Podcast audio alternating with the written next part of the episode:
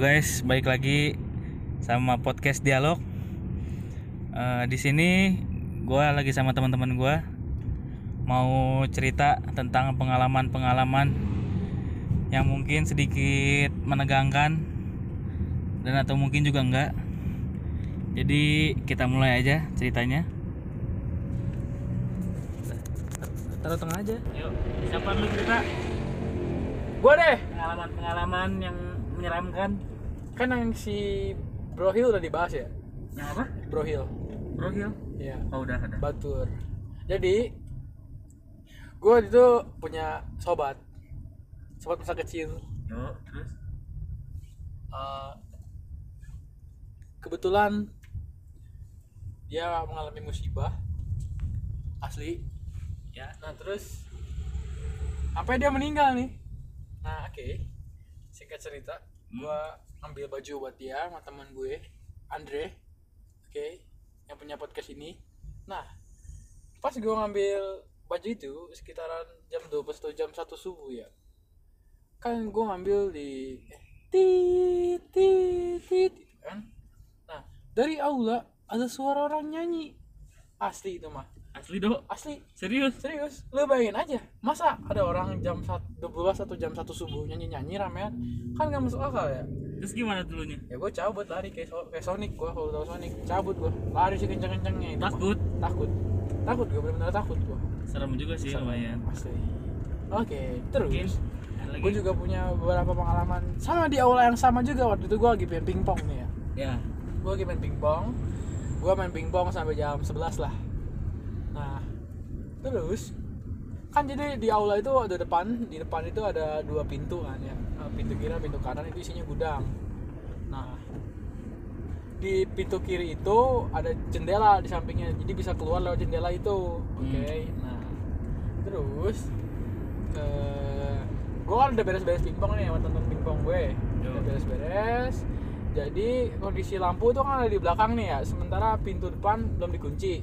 Pintu depan tuh pintu yang deket dua pintu itu. Ya. Nah pintu belakang pintu nah teman-teman pingpong gue udah beres udah beres udah masukin meja pingpong ke gudang masukin perlengkapan pingpong ke gudang selesai itu teman gue sisa gue berdua sama teman gue nih oke nah teman gue eh, dia matiin lampu di belakang which is dia pasti gue lewat pintu belakang dong Pasti. Nah, gue keluar lewat pintu depan. Nah, entah kenapa pintu gudang yang sebelah kiri, jadi pintu gudang se- gudang yang sebelah kanan itu kita taruh buat perlengkapan pingpong. Nah, pintu gudang yang sebelah kiri itu kebuka. Gue nggak tahu ya, ini emang udah kebuka atau tiba-tiba kebuka. Justru asli gue nggak tahu itu. Lu lihat pas kebukanya? Gue ngeliat, gue nggak ngeliat pas semuanya. Gue cuma tahu, gue ngeliat pas itu udah kebuka. Oke, nah pas gue mau keluar lewat pintu depan yang di sebelah kiri itu ternyata udah dikunci udah dikunci sama, sama petugasnya oke nah jadi gua coba lewat jendela lah. Pas gua melangkahkan kaki lewat jendela asli ini Allah Apa tuh? ada seorang cewek merdu banget asli parah. Bilang hey ke gua. Dari arah gudang yang udah kebuka itu. Nah sama. Kayak kejadian pas gua ngambil baju itu. Gua lari tiba-tiba nyampe di depan. Nah gue cerita ke teman pingpong gua dan gue disuruh tutup pintu katanya lupa tutup pintu gudang katanya. Jadi gue balik lagi sama teman-teman gua tutup pintu gudang selesai asli Parah ya, berarti banyak banget di situ ya. banyak sih tuh lumayan Itu tempat yang sama kan dari Tempat- cerita pertama? tempat yang sama itu cerita yang pertama Berarti banyak banget di sana. banyak banget Udah, itu aja. udah itu aja Mungkin ada yang lain. Gue. Kamu cerita? Saya mau pegang. Cerita Iya, dong apa coba? ada cewek doang di ringgit putih Hah? cewek pakai baju putih kronologinya Iya tuh, yang Coba denger cewek mana yang tahu ya gue cewek di masjid mana? sholat gitu Hah? nggak tahu lupa Oh, dia sudah melupakan mungkin takut dia. Coba tuh ada lagi Devin. Devin atau Dio? Ada cerita? Devin nih banyak. gua gua gua ada satu cerita Yo. jadi eh, mula mulanya tuh ini waktu cerita gua waktu di Bandung Hmm. Gua- karena gua gua sendiri kuliah di Bandung kan Ya. jadi gua sama teman-teman gua ya kita sebenarnya iseng-isengan sih iseng-isengan kita ke salah satu kita mendatangi salah satu kuburan yang ada di Ba- yang ada di Anjing Bandung. ngapain bego? Sengaja ke kuburan? Konten. Eh, enggak kita cuma mau iseng aja kita pengen tahu aja gitu kan. Isengnya tuh berlebihan. Nah kebetulan teman gue juga mau lagi mencari konten kan buat tugas dia gitu kan. Jadi ya udah kita jalan tuh kita jalan. sampai di kuburan pertama biasa aja kan. Itu pas kita masuk kuburan itu kuburan eh, by the way kayak kuburan Cina gitu tapi itu di di di situ nggak cuma orang Cina aja di situ banyak juga yang lainnya. Turaisme ya? Iya. Ini di Bandung nih ya? Bandung Bandung. Nah itu pas kita masuk itu jalan itu eh, itu di situ nggak ada lampu sama sekali. Di dalam kuburan itu nggak ada lampu sama sekali. Kita jalan tuh kayak terang banget. Eh, gimana gimana? Gak ada lampu tapi terang banget. Iya, jadi terang gitu. Jadi eh, apa ya? Nggak nggak terlalu gelap lah. Kayak ada cahaya dari luar kondisi gitu. lu jam sekitar jam? Jam 12, jam 1 so, malam nih malam. tiba-tiba terang gitu Eh, nggak nggak tiba-tiba terang. Maksudnya kita masuk ke dalam itu ya kayak cahaya bulan masuk gitu loh. Padahal di situ Oh, oke. pohonnya tuh rindang banget. Ya kan. Logikanya kan nggak mungkin masuk dong cahaya kan. Nah, ini tuh lagi gabut lo ya ceritanya ya Gabut, Ya. gabutnya menarik ya gabut ya gabut juga sih cuma iseng-iseng gabut. Sekalian bantuin teman gua berkonten juga kan. ya terus Nah, terus di situ kita, gue coba untuk kayak uji nyali gitulah. Jadi di sepanjang jalan kuburan itu kita udah sampai di depan makam Belanda. Di situ ada makam Belanda. oh ada Chinese dan Belanda juga ya Ya, tapi di- dipisahin, oh dipisahin. Kalau yang Belanda itu kayak dipagerin lagi khusus. Jadi nggak sembarang orang bisa masuk situ. Nah, kita uji nyali dan kebetulan bas bagian gua berarti kalian loncat pagar nih ya Oh, enggak. Eh, kan itu tadi katanya nggak boleh ada orang khusus masuk kan ya itu untuk yang di kuburan Belandanya tapi kita cuma di depan gerbangnya aja oh, oke Nah, di situ oh, pas di situ pas kita sudah apa udah nyampe di depan kuburan Belanda tuh kita coba gitu kan. Kita balik lagi pas ke tengah-tengah jalan yang tadi kita laluin gitu kan. ya Nah, di situ kayak hawanya tuh ya memang rada-rada gelap ya. Maksudnya auranya gelap. Nah, itu kan gue pertama ditutup matanya buat di eh, ditaruh di tempat yang dituju itu kan. Nah, di dalam perjalanan itu gue cium bau kebakar satu. Hmm. Bau kebakar itu gak logis. Maksudnya ya di situ sepi nggak ada siapa-siapa. Cuma ada gue sama teman-teman gue doang kan. Dan nggak ada yang bakar-bakar. Nah, bakar-bakarnya tuh, nah ini bau kebakarnya tuh kayak bau gosong gitu loh. Kayak bau daging gosong gitu loh. Hah? Ya. Nah teman gua tuh kebetulan bisa ngelihat dan dia ngelihat di situ memang ada ada apa Bi? orang yang uh, kebakaran mati karena kebakar. wah Gitu terus kan. dia ngeliatnya pas lagi kebakar Go- uh, enggak pas gosong aja gitu kan. Ih. Jadi kan masih masih ada aroma aroma daging Matang, kebakar gitu matang lah ya. Nah gitu kan satu di situ. Terus yang kedua gua ngeliat cahaya putih. Pertama di pohon. Gue pikir ah itu mungkin lampu doang kali ya tembus kali. nah, Nah, gue masih positif thinking aja. Terus nggak lama dari situ, gue ngeliat lagi depan mata gue, persis di eh, di bawah, deket deket deket apa deket tanah gitu kan. Terus gue mikir, ini apa gitu kan. Nah di situ pun nggak ada nggak ada genangan air, nggak ada genangan nggak ada genangan air, nggak ada cahaya, penerangan gitu kan, entah itu bulan atau lampu. Nah gue mikir kan, dan ini kayak ke- deket banget sama mata gue gitu. Posisinya tuh sejajar sama dada gue jaraknya sekitar eh, setengah meter lah dari gua. Nah gua mikir kan ini gua rada-rada merinding gitu kan. Ta- ya takut sih sebenarnya nggak gua nggak tahu itu apaan di situ. Akhirnya gua balik lagi ke tempat semula dan gua tanya yang yang gua rasain di situ dan dan itu semua benar. Dan ada satu lagi si penunggu ibarat tuh kayak eh, penguasa di situ. Penguasa di situ kayak ngerasa kusik ngerasa kusik oh makhluk makhluk ini. Ah makhluk makhluk itu semua kayak ngerasa ini ada apa sih? gitu kan ngeliat ngeliatin ke kita gitu kan. Terganggu kata teman gue gitu yang bisa melihat.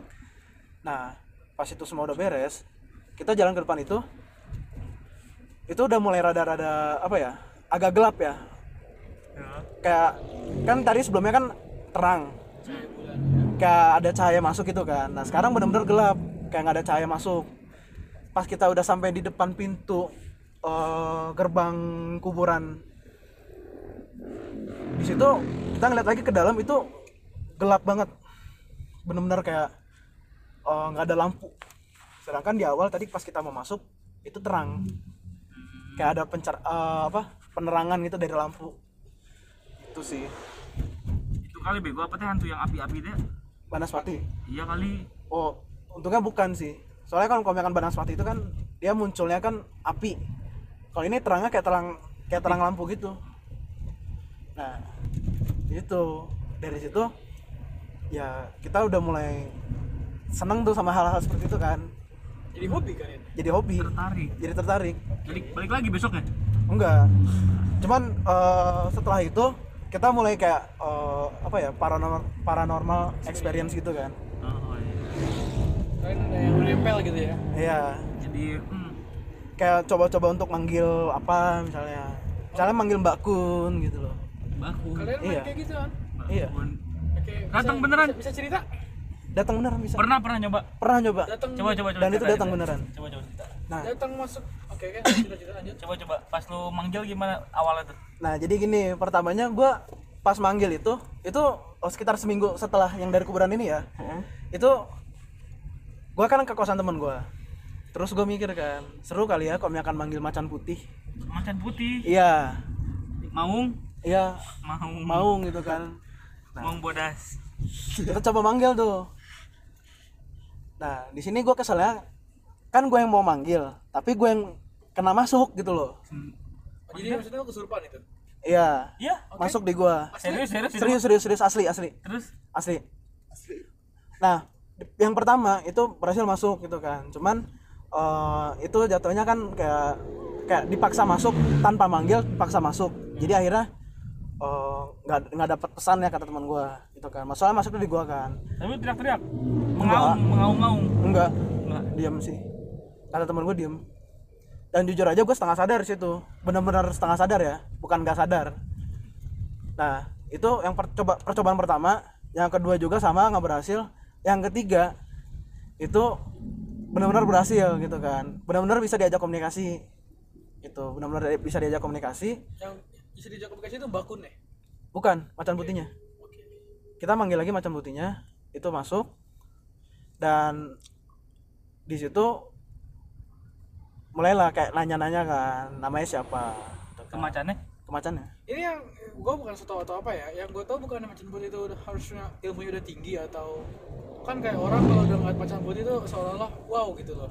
Nah itu eh, mungkin kan ada sebagian orang yang beranggapan seperti itu. Iya. cuman ada yang bisa manggil tanpa misalkan ilmunya nggak terlalu tinggi. Oke. Gitu. Tapi harus benar-benar dengan eh, niat yang tulus yakin gitu kan. Asli. Asli. Ini asli truk bego. Oh. bis Nah, di situ pas masuk terakhir itu di gua, sebenarnya ada eh, sebenarnya ada pesan yang mau disampaikan, cuman karena temen gua berulah, hmm. jadi berulahnya tuh kayak gimana? eh, misalnya kan gini, itu kan posisi kan gua udah udah masuk tuh ya, ya berarti apa pun yang terjadi, gua nggak bakal ngerasain dong, ya yang ngerasain adalah si macannya. si macannya. Nah teman gua berulah, kunci kunci motor itu kan besi pak, nah itu dibakar sampai panas, ditempelin ke kulit gua. terus? Dan itu jujur ya ini asli nih asli. Gua nggak ngerasa sakit. Dan itu tempelnya cukup lama. Ada bekasnya gak ada di sini. Ini masih ada ini sekarang? Masih masih ada. Serius sih gua serius? Coba lihat. Masih ada? Aduh gua Mana, harus mana? harus buka jaket lu cuy. Serius ini? Serius. Anjing buka jaket lu gua. Mana? Sabar lah gua buka jaket. Tadi Ah, guys ke ya depan Fernando. Dia ngeliat ke belakang. iya lu jangan ikut ikutan lihat. Kecelakaan kita ntar. Bentuk kunci asli Anjing, itu itu, asli, itu iya, kunci itu kunci. Iya sih. banyak inian inian kunci tuh gak asli iya asli eh. Terus gak sakit? Nggak sakit nggak panas. Terus pas lu sadar tetap gak sakit? Pas gua Iya, sadar itu asli ya eh. nggak sakit. Pas gua pegang-pegang ini plek ya udah luka. Terus? Ya gitu kan. Marah jadinya ya maksudnya. Nah, dia- nah, dari marah. dari situ sebenarnya dia nggak marah. Cuman kan karena kita kan eh, mau nanya kita mau berkomunikasi. Seharusnya kan ada pesan yang disampaikan. Hmm. jadi karena kejadian ini dia keluar. Dia pergi. Nah pas males. males ya kayak ibarat kayak ibarat bahasa bahasa zaman sekarang mah pundungan lah ya. Unduh. nah setelah itu temen gue kebetulan memang eh, salah satunya kan yang bisa tadi komunikasi yang bisa melihat. Ada lagi yang bisa komunikasi sama manggil nah itu yang satunya lagi nih yang tem yang temen gue yang bisa manggil itu. Itu dia meditasi sebentar. Dia ada hubung dia masih ada hubungan sama eh, pantai selatan Oke. Tanjung Ratu. Hmm. nah di situ dia meditasi pas udah beres dia nangis. Kita tak pasti otomatis tanya dong Cewek apa cowok? cowok. Cowok. lu kenapa? Gitu kan. Nggak apa-apa. Gitu kan. Pertama ditanya jawabannya kayak gitu kan. Kita paksa-paksa lagi. Dia bilang nggak gua sedih aja gitu kan. Di situ dia masih belum nyampein tapi setelah itu dia nyampein baru tadi gua sedih aja gitu kan. Kita manggil-manggil tapi pesannya nggak kesampai. Ini posisi di mana nih? di kosan temennya. Oh, di kosan. teman di teman gue itu kosan teman gue nah itu dari situlah ya mulai mulai mulai mulai lagi mulai mulai lagi. Cuman yang lain lainnya ya nggak terlalu se apa ya se excited ini sih kalau guanya sendiri ya soalnya yang satunya lagi tuh pernah gue manggil mbak Kun gara-gara teman gue sering diganggu waktu tidur Bang Bakun ini. ya ah, Kuns. yoi mbak Kuns Gitu. terus dia gangguin diapain? kayak dia lagi tidur nih Nah. mbak Kunnya lewat tapi disenggol teman gue habis ini tidur lagi goblok sampai rumah. Mbak Kunnya lewat, disenggol teman gua, terus kebangun. Gue tidur sama adek gue. Dan itu sering. Loh. Nah, dari situ lah. Kayaknya harus tidur sama gue di atasnya. Nah, dari situ mulai apa dari kejadian-kejadian itu gua sendiri merasa kayak gua mulai peka dengan hal-hal seperti itu. Mungkin nggak ngelihat, cuman gue bisa ngerasain, oh di sini ada, di sini ada. Gitu. Apalagi dengan pertanda-tanda tanda-tanda bau ya. Misalkan kayak bau dupa, bau bunga melati gitu kan. Itu bisa gua udah gua udah, udah peka sama hal-hal seperti itu. Kalau yang suara bebek sama ayam tuh berarti bener kan ya, Pin? Kenapa? Suara bebek suara ayam tuh Oh, Yang- ini katanya kalau misalnya ada suara Bebek ayam, jauh. iya. ayam jauh tuh artinya itu deket. Kalau suaranya bebek deket dia jauh betul tuh Pin. ya? Sebenarnya itu bukan suara kayak bebek atau ayam sih. Masuk. Tapi Eh, lebih tepatnya kayak lu pernah nonton Ewing gak sih yang dia di kebun apa di kuburan itu kebun jeruk Yang purut, eh ya ya yang kepala buntung. bukan ada dia kayak eh, dia di- dia di- di situ dia camping Hmm. di tengah-tengah kuburan dan dan itu eh Sedai, HD ya. ya sedai. dan itu dia pas tengah malam taruhlah sekitar jam 12 sampai jam 3 lah ya. Gue lupa eh, jam berapanya. Itu dia nge- ngedengar suara Mbak Kun tapi kecil. Nah yang gue tahu Kalau tahu suara suaranya kayak gimana gue. yang yang suara kalau misalkan suara jauh kecil itu deket kan. tandanya deket. Wah, iya. Kalau misalkan suaranya kenceng kayak lantang gitu berarti dia jauh itu dan teman gue juga dan teman gue juga bilang ya itu benar gitu Gue kalau denger denger mah nggak pernah sih. Cuman kalau kayak nyium nyium gitu, nyium nyium yang wangi, tapi rata-rata wangi sih. Bunga, menyan gitu. Cuman gue nggak pernah mikir negatif sih. Gue Gue mikirnya, malah lebih ke denger daripada ke gue nggak pernah denger sama sekali. Kalau nyium sering. Lu nggak pernah denger sama sekali itu yang kita denger apa dari berarti? Maksudnya kayak gitu, maksudnya denger yang Oh, suara, yang bener-bener eh, langsung dia suara gitu yang ya. ngik gitu misalnya. Kalau suara benda-benda kayak poltergeist juga gue denger cuma mencoba positif thinking aja gitu kan. Cuman kalau Gue coba pikir ah, ini mungkin tikus atau mungkin ini cicak atau mungkin atau apa gitu kan. oh kalau benda, benda gue pernah di tempat gue kerja. Ah, gimana tuh? Jadi tempat gue kerja itu ada mesin. Oke. mesin ada dua mesin yang satu itu mesinnya itu masih manual nah yang Itu satu dikerjain itu, sama orang ya. iya yang satu lagi otomatis otomatis juga tetap dikerjain sama orang. Jadi ada dua mesin satu otomatis satu manual. Nah kalau mesin yang otomatis itu emang itu eh, dari sistem kalau misalnya dia karena dalamnya ada cairannya kalau misalnya cairannya eh, itu pH-nya nggak sesuai standar dia akan muter sendiri buat ngaduk jadi biar pH-nya naik.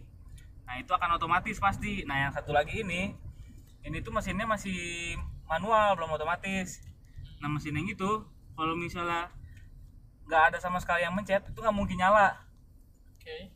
Nah, terus waktu itu pas gue lagi masuk malam, gue kerja di situ, tiba-tiba nyala sendiri mesin yang manual itu, tiba-tiba nyala. Terus panik kan, panik gue matiin, cuman masih santai aja. Terus pas begitu ditinggal, ditinggal, nyala lagi tiba-tiba. Ya udah, langsung gue tinggalin. Amat. Berhubung mesin juga gue jadi inget mesin nih. Apa tuh? Gue kan merupakan anak seorang penjahit ya. Ya, Berarti di rumah gue banyak mesin jahit dong. yuk. Nah kebetulan nih gue lagi kosong nih ya rumah gue sendiri nih. ini mah gue asli serius di pengalaman gue nih Hmm. oke eh, jadi gue nggak usah jelasin daerah gue ya di rumah gue pokoknya gue lagi di kamar kondisi mesin jahit itu lagi ada di ruang tamu lah oke nah kondisi ini gue nggak ada siapa-siapa ya di rumah gue ya terus gue gue gue nggak tahu ini atau memang yang jelas nggak mungkin listrik mati gitu kan karena gue lagi wifi an di rumah. Nah, gue nggak tahu memang kabel listriknya yang kabel listrik si mesin jahitnya yang rusak atau apa. Gue lagi asik tiduran di kamar tiba-tiba mesin jahit kan menurut lu mesin jahit tuh nggak mungkin kan nyala kalau pedalnya nggak diinjek. Ya iya kan? Ya asli itu mesin jahit nyala di rumah gue. Muter sendiri gitu. Motor sendiri sumpah. Bener ini mah. Serius gue. Mesin jahitnya yang yang mesin gitu yang Iya. kabel iya yang kabelnya nyala kan itu harus ada yang nginjek kan buat mesin. Jadi biar mesin berputar tuh sedang nginjek. Nah itu kagak ada yang nginjek dan kondisi rumah kosong terus oh my god gue harus lari ke depan. Hmm. gue lari ke depan gue cuma mikir tenang tenangan pikiran dikit oke. Gue balik ke rumah gue cabut stop kontaknya. Kabur lagi? Kabur lagi. Ke rumah om gue gue diem di situ buat nyokap bokap gue balik baru gue bilang eh gue baru gue balik ke mereka. Itu.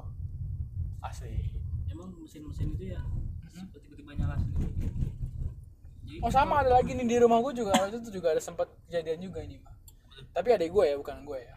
Ya. Jadi gue kan tidur sama adek gue nih berdua kan. Oke. Nah sama di ruang tamu juga nih kejadian nih. Oke. Nah kan jadi di ruang tamu itu kan ada meja komputer ya. Hmm. ini gua sama adek gua tidur. Jam berapa tuh? Sekitar jam setengah tiga atau jam tiga gitu kan. Adek gua bangunin bangunin gua gitu kan. Kok gitu kan eh anterin gua tuh ke atas gitu kan. Kamar nyokap bokap atas tuh maksudnya. Gua mau ke kamar nyokap bokap kan. Dia bilang kenapa lu teh? Gitu kan. Ya gua kesel dong tiba-tiba diminta dianterin ke atas gitu kan. Eh, dia bilang udah anterin ke atas takut gua gitu kan dia bilang. Awalnya gua kira ada maling. Oke kan gua gua udah udah udah udah udah nggak usah tidur lagi aja lu santai aja kayak gitu kan. Nah pas adek gua udah mulai tiduran gitu kan gua dia mermin mata nggak tahu tidur apa enggak gua coba keluar kan gua juga ngecek takutnya memang ada maling oke gua gua ke kulkas gua ngambil minum entah kenapa feeling gua kuat buat bilang gua nggak boleh ngelihat ke pintu gitu ke pintu luar ya yang langsung keluar yang langsung ke pintu yang dia ada apa sorry ke ruangan yang ada meja komputernya gitu kan jadi searah lah pandangannya ya Iya, jadi gua entah kenapa feeling gua kuat banget. Gua nggak boleh ngeliat ke situ kan. Gua dari begitu gua ngambil minum ke kulkas, gua ke kamar mandi gua kencing, gua langsung ke kamar. Gua nggak ngeliat kanan kiri, nggak ngeliat kanan kiri. Entah kenapa feeling gua kuat gitu, oke. Selesai. Gua kan udah kuliah tuh. Gua bangun seperti biasa, nggak ada aktivitas apa normal, normal gitu kan. Gua bangun tidur, gua kuliah, gua pulang ke rumah sore kan. Nyokap gua cerita ke gua gitu kan. Dia manggil gua gitu. Do gitu kan si dia bilang gini gua, "Eh, si dede kemarin ngeliat katanya kan ngeliat apa mi gitu kan dia ngeliat ada cewek duduk di meja komputer kata nyokap gua kayak gitu shit gitu gua kan dia kemarin gue bilang gitu kemarin dia bangunin do mi gitu kan suruh ngatain ke atas. Cuman do nggak nggak berani ngeliat ke meja komputer emang takut juga sebenarnya kan. Tak kenapa feeling bilang kayak gitu mi. Katanya iya dia kemarin ngeliat kronologisnya kayak gitu. Jadi kronologisnya kayak gini kan. Ada gue tuh jadi dia ke depan bangun tidur kan mungkin ya mungkin habis ya hanya tidur kebangun kan dia minum minum ke kulkas. Entah kenapa justru feelingnya dia beda kayak gue kalau gue feeling jangan ngeliat ada gue feeling justru disuruh ngeliat ke sana. Jadi ada lu ngeliat jelas banget? Adek gue ngintip ke situ di meja komputer lagi ada cewek duduk katanya. Katanya cewek pakai baju putih rambutnya panjang duduk di meja komputer gue nggak ngeliat mukanya? Nggak ngeliat mukanya soalnya muka dia ngadep ke komputer kata adek gue kayak gitu. Komputer mati ini kondisi ya. Nah itu. Dari situ dia langsung takut bangunin gua kan. Dia begitu. Jadi dia kalau misalkan kondisinya kalau misalkan lu naik tangga ke atas lu pasti bisa harus ngelihat si meja komputer itu. Jadi kalau lu naik tangga pun lu pasti ngeliat. Makanya satu-satunya tempat dia kabur itu ke kamar apa ke kamar bangunin gua temenin gua naik ke atas. Gitu. Dari situ tapi lu nggak ngeliat ya bentuknya? Gue nggak ngeliat bentuknya. Adik gue yang ngeliat. Gue juga feeling gue kuat. Gue nggak boleh lihat ke situ. Makanya gue nggak ngeliat. Kayak gitu. Nah makanya sampai sekarang pun gue masih takut anjing tiap malam kalau kayak gini. Selalu gue tiap malam kagak pernah gue ke situ. Asli ini mah. Tapi gue kalau misalnya di rumah untungnya belum pernah ada gitu-gitu sih. Belum pernah ya? Belum. Tapi jangan lah jangan sampai. Tapi Jangan, biasanya eh, tadi kan eh, lu kan nggak feeling lu kan kuat banget buat nggak ngeliat ke situ. Sedangkan ada lu kebalikannya. Entah kenapa ya dia harus ngeliat ke situ jangan kayak gini kayak gitu Nah, dia bilang ke gue. itu biasanya kalau misalkan kayak gitu eh, masing-masing jadi jadi gini nih. Masing-masing kita itu ada yang ngikutin. Maksudnya kayak entah itu dari leluhur atau apalah. Tapi yang nggak mu- eh, yang jelas nggak mungkin makhluk-makhluk nggak jelas yang dari luar tiba-tiba ngikut. Itu nggak mungkin. Yang pasti itu dari leluhur. Entah itu eh, pegangan dari kakek nenek atau enggak memang mereka sendiri yang ikut nah biasanya kami akan eh, feeling-feeling kayak gitu itu biasanya cuman orang yang bersangkutan. Maksudnya yang benar-benar eh, dijaga yang bisa ngelihat dan feelingnya kuat harus melihat gitu Oke. jadi ada pertanda-pertanda yang dikasih tahu mungkin sebenarnya mbak-mbak itu menjaga sebenarnya menjaga adek lu mungkin bisa jadi Nah, set- tapi setelah itu di setelah itu masih ada lagi pengalaman gaib di rumah gua berkelanjutan. Jadi kursi ini gua juga nggak tahu ya, mungkin gua sama mama gua kan gua sama nyokap gua kan sama-sama penakut kita kan ya. Entah karena mungkin emang kita waktu itu masih apa namanya? Masih takut apa namanya? ya, Masih takut gitu kan. Parno Parno Masih parno gitu kan. Nah, jadi gini, kondisinya pas buka gua nggak ada di rumah, ada adik gua nggak ada di rumah, jadi mak gua di rumah sendiri mancing gua kan. Nah, terus eh, dia di kamar gua nih kondisinya kan. Dia nggak dengar bunyi kret, apa kret gitu, kret kayak kursi ketarik. Ah, Nah, nyokap gua pun sama kayak gua kan, dia eh, merupakan tipe orang yang penakut gitu kan. Kita nggak nggak kuat kalau menghadapin kayak gini. Dia juga positif aja kan. Tentu dia positif, dia berdoa gitu kan. Masalahnya bukan sekali dua kali bunyi kret, kret kata nyokap gua kayak gitu. Pas kebetulan eh, gua balik ke rumah, pas cuma jadi sisa nyokap gue doang tuh di rumah kan ya nyokap gue bilang do adanya "Eh, mami dengar kayak gini ini di kursi yang ada gue ngeliat si cewek itu masa begitu gue datang bukan cuma mau gue doang. Gue sama mau gue lagi duduk nih ya, di ruang tamu kan misalkan nih ya lagi duduk lagi ngobrol biasa main handphone ngobrol kret ada bunyi kayak gitu. Gue sama mau gue langsung nengok. Bener gerak. iya mi bener. Nah belum ngeliat belum ada yang ngeliat geraknya tuh oke? Tapi belum perhatiin ini tadinya ke sini Nah, tiba-tiba oke. pindah gitu. Oke, nah itu kan. Terus kayaknya iya Mi ya, benar kursinya gerak gitu kan. Jadi kita cobalah, kita coba pindahin ke sudut pandang mata gua menyokap gua. Kita beraniin diri kan, oh kita, oh, kita berdua ada anjing gua sendiri juga kan. Oke. Kita ngobrol, ngobrol, ngobrol, ngobrol, ngobrol, ngobrol. Kret. Gua langsung nengok sama nyokap gua, asli itu kursi gerak. kelihatan banget gerak set ya gitu. anjing Serius itu Mas, asli. kursi yang didudukin itu kan Iya, kursi warna hijau itu loh yang kalau pada pernah ke rumah gua. Tahu Iya, kan? iya. Iya itu yang kalau kita main PS apa di situ kursinya. Itu kursi gerak asli. Gua udah gua udah nggak berpikir panjang di situ ya. Gua kan merupakan seorang Katolik nih ya. Nah, gua ada kebetulan ada air suci di rumah. Gua gua banjur itu. Sumpah asli. Gua banjur itu kursi pakai air suci, sambil gua teriak bapak kami segala. Jebret, jebret, jebret, jebret. Asli itu mah parah. Gua udah nggak ada apa-apa lagi tapi sekarang? Sekarang udah gak ada apa-apa lagi. Gue cerita ke bokap gue kan katanya. Katanya ehm, nyokap gue nyuruh kursi buat dibuang kan katanya. Dibakar segala atau apa kayak gitu. Gitu. Tapi kata bokap gue udah lah nggak usah. Toh setelah, setelah di ini sih sampai sekarang rumah gue udah aman-aman aja. Udah nggak pernah begituan udah nggak pernah ada, ada hal-hal mistis lagi. Asli itu. Itu sih. Kalau gua seringnya malah karena nggak pernah di rumah ya jangan sampai juga. Seringnya malah di tempat kerja sih. Di tempat kerja itu gue sering banget kalau di tempat kerja gue itu banyak orang yang di eh, ditampakinnya itu wujudnya orang lain. Gimana gimana? Jadi misalnya gue lagi baru masuk kerja nih oh, baru masuk masuk lobby terus gue ketemu misalnya masih A gue ketemu nih ngobrol eh selamat pagi gini gini gini gini gini ngobrol-ngobrol terus pas gue naik ke atas pas gue udah sampai ruangan ada si A di atas? enggak justru justru itu bukan ada si A di atas. Si A ternyata nggak masuk malah. Oh tapi nyapa sama lu? Nyapa ngobrol. Terus sering banget kayak gitu. Terus orang-orang di sana juga banyak yang ngomong sering ketemu orang ternyata orangnya nggak ada. Apa sering ketemu orang terus tiba-tiba orangnya di tempat lain. Oh jadi dia ngambil wujud si pegawainya iya. gitu ya? terus waktu itu pernah di tempat kerja gua Hmm, sering banget orang kesurupan. Oke. kesurupan eh, hampir setiap hari. Hampir setiap hari kesurupan tapi orang yang kemasukannya beda-beda selalu beda-beda. Tapi di tempat yang sama di ruangan yang sama jadi satu ruangan ada banyak orang. Jadi dia setiap hari kesurupan tapi orangnya beda-beda ganti-ganti. Teriak-teriak. cerita yang sama orangnya sama. Terus yang masuknya juga sama makhluknya. Terus sama dulu katanya kata karena kan gue di sana kan masih baru. Kata senior senior gue di sana dulu sebelum gue masuk itu di ruangan gue itu di ruangan gue kan ruangan gue kan cuma buat tiga orang. Ya di ruangan gue itu katanya dulu pernah tiba-tiba ada yang nemuin tusuk konde. Tusuk konde tusuk konde bener ini. Tusuk konde tiba-tiba nemuin tusuk konde. Terus karena mungkin orang situ mikirnya ya punya siapa mungkin punya karyawan situ terus ya dihirauin aja gitu didiemin disimpan di laci gitu. Terus karena nggak dibalik-balikin katanya kata senior senior gua di sana yang nemuin itu digangguin katanya.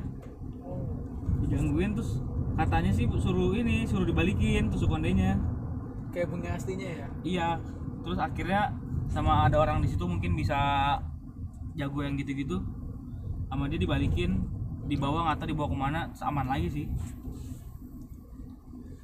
Nah, jadi gitu. Ada lagi? itu biasanya kalau misalkan dari cerita cerita lu Dre, ya yang tadi barang itu sebenarnya Heeh. kalau misalkan nemu barang apa pun kalau misalkan eh, bukan di rumah kita ya Hmm.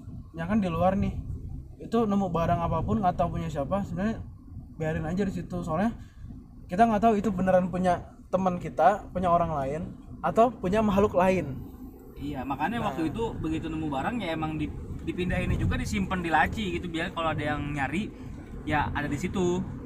cuman ternyata bukan punya Ternyata bukan punya orang. nah itu kadang jadi masalah kan Iya makanya. terus tadi kalau yang kayak Rolando itu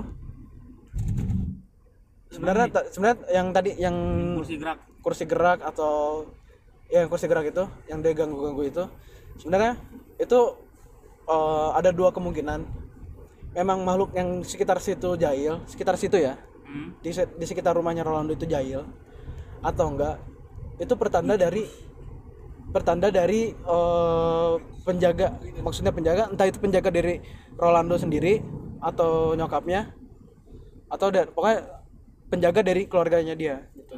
pokoknya itu pertanda gitu kan entah ap- apa apa maksudnya eh, yang bakal terjadi di ke depannya gitu kan. Biasanya pertanda-pertanda kayak gitu. Terus apalagi kalau misalkan kita pasti sering dong misalkan kita la- lagi jalan nih. Terus kita nggak dengar ada yang manggil nama kita tapi nggak ada orang nggak ada siapa-siapa. Sepi. Ya kan kita lagi jalan nih. Iya iya pernah gue pin. Berarti berarti kalau kayak gitu? Nah itu itu tuh sebenarnya eh ada yang manggil, memang ada yang manggil, tapi bukan orang.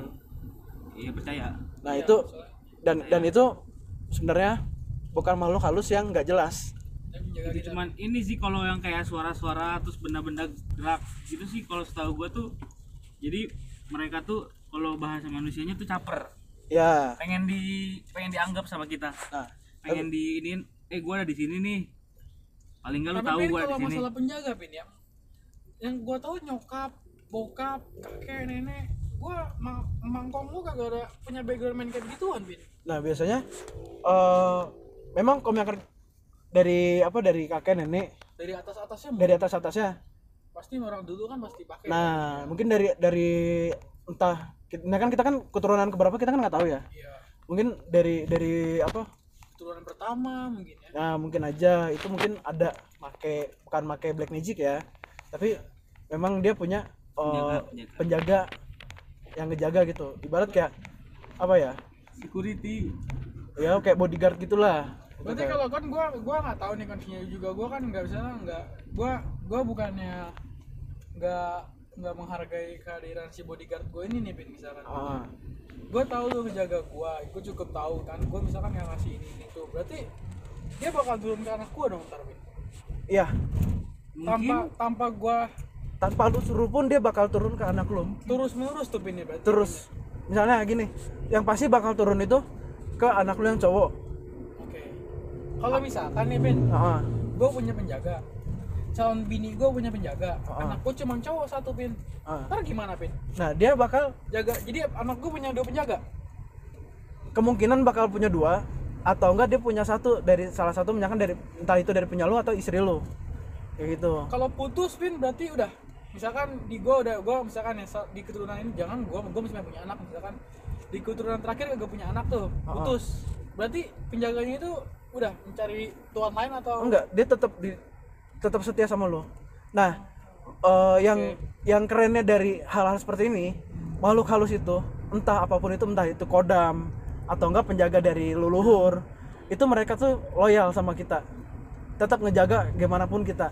Ya kan kayak seharusnya kita ngasih eh, sajen atau apa ngasih makanan tiap malam apa gitu kan tiap hari apa yang kita nggak pernah ngasih. gitu. nah kita nggak pernah ngasih tapi dia tetap ngejaga baik berarti ya Nah, tapi kan memang memang kan mereka sendiri nggak minta dan kita sendiri pun nggak eh, Nggak ngasih gitu. ngasih itu kan beda lagi sama eh, makhluk-makhluk yang ditarik dari alam oh buat ya buat jadi kayak orang-orang jadi kebal Ya, gitu. Ah. Kalau yang nggak dikasih tapi nggak marah itu ya emang dari dianya mau ngejaga gitu ya. Heeh. Kecuali Tulus. kalau yang kalau yang ditarik mah harus dikasih. harus misalnya kayak eh, contohnya pesugihan Sugi, sugi. pesugihan itu eh, dia harus ada eh, apa namanya tumbal tumbal itu kan berarti kasih makan ke si makhluknya itu dong Iya. Nah, itu ngasih kayak sajannya itu entah itu tumbal atau enggak misalkan ngesek sama si makhluknya itu oke atau cara lain gitu kan. Biasanya kayak gitu. Cuman yang pasti sih ya, yang pasti kalau misalkan dari penjaga kita sendiri itu itu nggak mungkin minta makanan. Karena dia pas udah tulus untuk nolong kita, dari ngejaga kita. generasi ya Iya. Hmm. Jadi jadi udah ya gitu aja ya. oke Jadi cukup sekian cerita dari kami. Eh, tungguin aja cerita-cerita kami selanjutnya. Semoga bermanfaat. Tungguin aja dialog-dialog berikutnya. Tetap di podcast dialog.